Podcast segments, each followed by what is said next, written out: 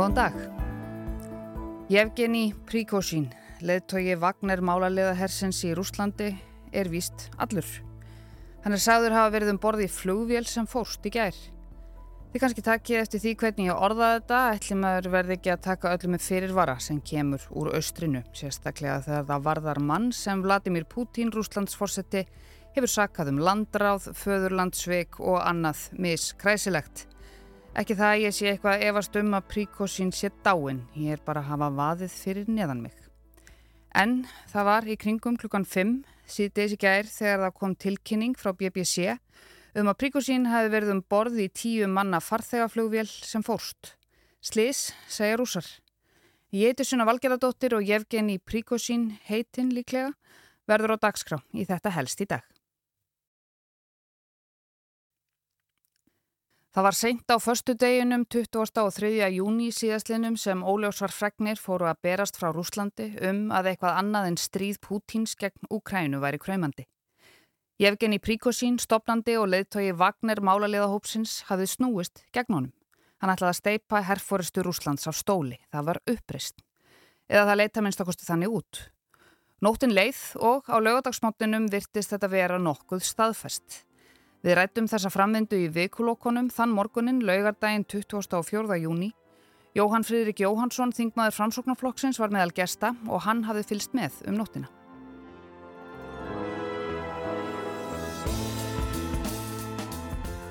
Já, ég er bæði í auðverkismálunamnd og svo sitt ég líka í þjóðurvíkisráði. Og maður reynir svona að hafa augun á því sem er að gerast. Bara mjög snemma í gerðkvöldi fórum maður að sjá á Twitter til að mynda uh, allskins fregnir af því að uh, skriðdrekar. Uh, herrmenn væru færðin að taka sér stöðu í, í Moskvu og það er nú þannig með Twitter að þetta getur verið alveg frábær miðil til þess að fá upplýsingar en maður þá svolítið að deila með tveimur og stundum þreymur en síðan held þetta áfram og, og hérna það sem að maður svona sá síðan gerast seint í nótt og svona aðeins varandi fórsöguna að það hefur auðvitað staðið styr á milli vartamálar á þeirra rúsa og yfirmanns Vagners í langan tíma. Og, og Prigozhin hefur fyrst og fremst beint sinni reyði að honum. Þar að segja þeir fá ekki nógu mikið af vopnum rúsneski herin sé veikur hann sé ekki nógu öflugur í Ukrænu þeir sé ekki að sækja nógu hrætt fram og, og svo framvegs en ekki gagvart fórsetta Rúslands, Putin en síðan verða einhverja vendingar og tók að þessum kannski ekki alveg staðfest þá lítur út fyrir að rúsneski herin hafi minnst og fastið samkamt uh, eh, Brygósin uh, eh, gert einhvers konar árás á vagniliða sem að snýr þessu þetta öllu á hólf mm og þeir bara sækja inn í Rúsland lýsa því yfir að, að, að þeir hafi umlega verið sviknir þeir séu hinn í reynu og sönnu föðurlandsvinnir og við þessu þarf auðvitað Rúslandsstjórn að bregðast. Og uh, í, í þessu ávarpi sínu kallar Pútín þá landráða menn og viðbröðin við því eru auðvitað þau að, að nú virðist allavega svona, þessi reyði og þessi gremja vagnar liða beinast ekki einverðungu gagvart uh, vartamála ráðunitinu og, og hernum heldur þá gagvart yfirstjórn Rúslands og þá Pútín sjálfum Uh, og þetta eru, eru heimsögulegir viðbörðir sko þetta sýnir auðvitað hversu veik stjórnin í Kreml er og hvernig sem að spilast úr þessu þá er þetta auðvitað eh, eitthvað sem að kemur til með að, að hafa gríðarlega áhrif. Bæði stríðun í, í, í Úkræninu eh, inneríkismálum í Rúslandi og stöðu Rúslands út af við og svo verðum við bara að býða og sjá hvað hérna framvindur. Já. Við byðum og sáum sannarlega. Svona voru fréttinnar um kvöldi þetta hafði þróast frekar rætt allt saman. Yfirmaður málanliða hersins Wagner hefur ákveðið að snúa við herrliði sem komið var langleginu til Moskvu eftir uppreist sem hófst sent í gær. Pútín, Rúslandsfórseti, sakar þá um landráð og föðurlandsving. Prófessor í Rúslandsfræðum efast um að bylting sé í fæðingu. Kona sem fættist í Rúslandi segir marga dreyma um valdaskipti en þeir drauma rætist ekki með Wagner-hóknum. 7 часов 30 минут утра под контролем военные объекты Ростова в том числе. Í höfuðstöðum rúsneska hersins í Rostov-Vidón fer fram skipulagning fyrir innrásastríðið í Úkrænu. Allt gengur þó sinn vanagang fullirti Prigozhin í ávarpinu í morgun. Hann vilja aðeins tryggja að loftar á sér beinist gegn Úkrænu ekki vagnirhernum sem hefur barist við hlið Rúslandshers í ára raðir. Þannig hófst þessi sögulega atbyrðarás. Í gær sagaði Prigozhin Rúslandsherum að hafa ráðist á vagnirliða. Því hafnaði Sergei Sjóku varnarmálar á þeirra sem Prigozhin hefur lengi átt í deilum við. Prigozhin segir aðgerðirnar ekki tilraun til valdaráns. Það er beinist gegn varnarmálaráðanætinu en fósetti Rúslands lítur málið öðrum og alvarlegri augum. Pútín lýsir aðgerðum vagnarliða sem nýfstungu í bakið og heitir því að refsa öllum sem taka þátt. Prigósin heimtaði fund með varnarmálaráþaranum og yfirmanni hersins, annars marser hann til Moskvu með sína 25.000 hermenn. Hótun sem rúsnesk stjórnvöld tóku alvarlega. Það er óhætt að segja að þetta hafi verið viðburðaríku dagur og sögulegur. Það er ekki á hverjum degi sem menn gera uppreist gegn stjórn Pútíns eftir viðræður við fórseta Belarus, Lukashenko, sagðist Prigozhin ætla að snúa herliðinu við og í tilkynningu frá honum á samskiptamilunum Telegram segist, segir hann að herliðið hafi verið aðeins 200 kílometrum frá Moskvu, svona stæri sig á því að þeir hafi náða að komast svona langt á aðeins 24 klukkstund. Við rættum við Jón Ólason, professor í Rúslandsfræðum og hann sagði að það sem hefur komið óvert er uh, hversu langt Prigozhin gekk. Hann fór þarna yfir ákveðina línu sem að breytir alveg hans stöðu gegn stjórnin í Moskvu og gegn hernum. Það er svolítið erfitt að sjá hvernig hann kemur tilbaka eftir þetta. Uh, og svo sagði Jón við okkur líka, við, já, hrættum við hann líka áður en þess að vendingar eruðu, gott að taka það fram, uh, að Prigozhin verist halda að þessi vagnarherr sé eitthvað afl sem að stjórnin í Kreml og herrin hræðist.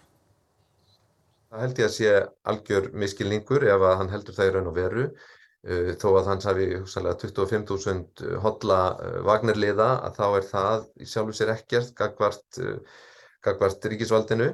Jón segir að árangur vagnarhópsins ráðist að miklu leiti af stuðningi við hann innan kervisins. Hann bendir á að fyrir liggi ákvörðun um að leysa vagnarhópin upp. Sumuleiti gætum við að sé þetta líka sem svona örvæntingar fullt útspill um, uh, og, og tilrönd til þess að, að sko bara koma á ákveðnum glundróða í kerfinu. Þetta kemur að sjálfsögðu á sko allra besta tíma fyrir úgrænumenn sem að, að uh, hvernig sem á það er litið þá veldur þetta glundróða í, í herliði rúsa á vikstöðanum í Ukrænu og gefur Ukrænumönnum mjög gott tækifæri til þess að, að, að notfæra sér það. Hann segir mikilvægt fyrir rúsnesk stjórnvöld að berja uppreysnina hratt niður og handtaka Prigósin. Því ef hann leiki lausum hala lengi þá er þetta orðið svo erfitt og farið að valda svo miklum, miklu kási og svo miklum rugglingi í Rúslandsmegin að það getur haft alveg gríðarlegar afleðingar á það sem er að gerast í Úkrænu.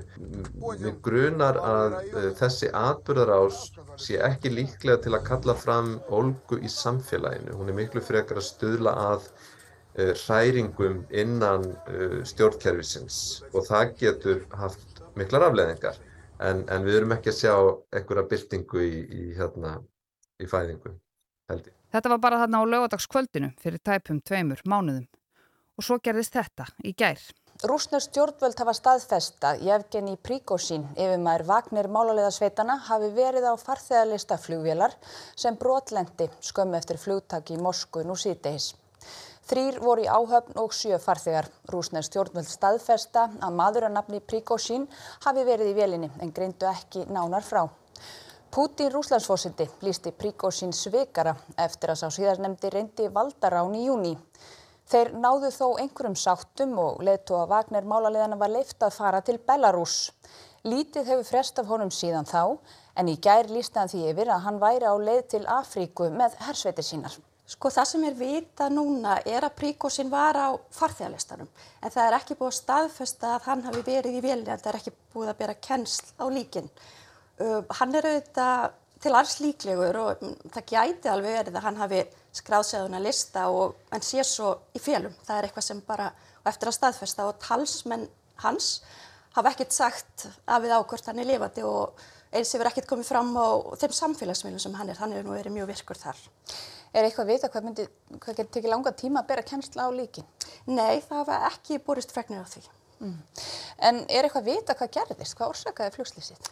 Sko stjórnvöld segja þetta sé flugslýs og þetta verði rannsakað. En uh, Prigozhin var auðvitað einn af svona þeim sem gaggrindi stjórnvöld í Rúslandi og, og svona skilgrindi sem óvinnur af þeim. Þannig og það, það hefur nú ímislegt gert fyrir óvinni stjórnvalda að vera eitra fyrir þeim þar og fallið út um glukka og jafnveg skotnir á götu úti.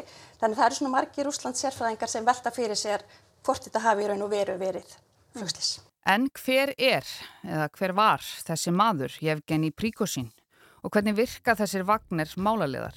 Dagni Hulda Erlendstóttir sem var einmitt þarna til viðtals í gær gerði heimskviðu þátt um vagnarhópin fyrr á þessu ári. Hann er með engareikin her á sínum snærum sem í eru margir hardsvíraðir glæpamenn sem berjast í styrjöldum þar á meðal í Úkrænu. Auk þess rekur hann svo kallaða trölla vesmiðu þar sem framleitar eru falsfrittir í stórum stíl. Þið haldi kannski hlustendur góðir að hér sé verið að lýsa sögupersonu í kvikmynd, vonda kallar mér bond, en svo er ekki.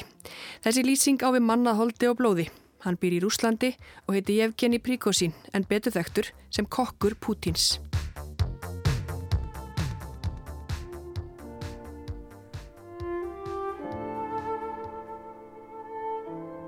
Prigozhin ólst upp í Pétursborgi í Rúslandi líkt og Pútín. Leiðir þeirra láð þó ekki saman fyrir ná fullorðinsaldri. Prigozhin þótti efnilegu skíðagöngumæður í æsku en rúmlega tvítugur hlautan dóm fyrir þjófnað og síðar fyrir svig. Hann satt inn í nýju ár og var þá náðaður. Eftir hrun Sovjetríkjana á tíunda áratögnum fór hann að selja pilsur með pappa sínum og reksturinn gekk vel. Hann gefti hlut í fyrstu stórmarkaðskeðjunu í Pétursborg og stopnaði síðar spilavíti og veitingarstaði sem áttu eftir að verða vinsælir. Svo gerðist það í byrjun júli 2001 að þáverandi fórseti Frakland, Jacques Chirac, kom í ofinbera heimsókn til Rúslands og þeir Pútín snættu og veitingastað Prigozhin sem var í gömlum uppgerðum bát. Sjálfur þjónaði Prigozhin fórsetunum og fylgdaliði til borðs. Ári síðar kom Pútín á veitingastæðin með bús þávinnandi bandarækjafósita. Árið 2003 hjælt Pútín svo upp á afmæli sitt á veitingastæðinum. Á þessum tíma er talið að Príkósin og Pútín hafi kynst vel og vegna tilkomu kynnana er Príkósin jafnan kallaður kokkur Pútíns. Næstu ár hlaut eitt fyrirtækja Príkósins stóra samninga við rúsneska ríkið um skólamáltíðir, matfyrir ríkistarfsmenn og herin. Talið er að Vagnirherin hafi verið stopnaður 2014 af Dimitri Útkin sem áður hafði verið í leini þjónustu Rúslandsers. Æðisti stjórnandi nú er þó fyrirnemdur Príkósin. Talið er að fyrsta verkefni Vagnir Hersins hafi verið við hertöku Krímskaga 2014. Það voru þeir í grænum fötum, ekki mertirneinum hér. Þeir eru líka sæðir hafa barist við hlið rúsa frá 2014 í austurhluta Úkrænu. Talið er að nú séu um 20.000 vagnarhermenn í Úkrænu. En hvers vegna vilja stjórnvöld í Rúslandi nýta sér vagnir? Getur svona beitt þessar ansleint og ákveðin þá afneitun á ábyrða því sem að þessi hópur er að gera.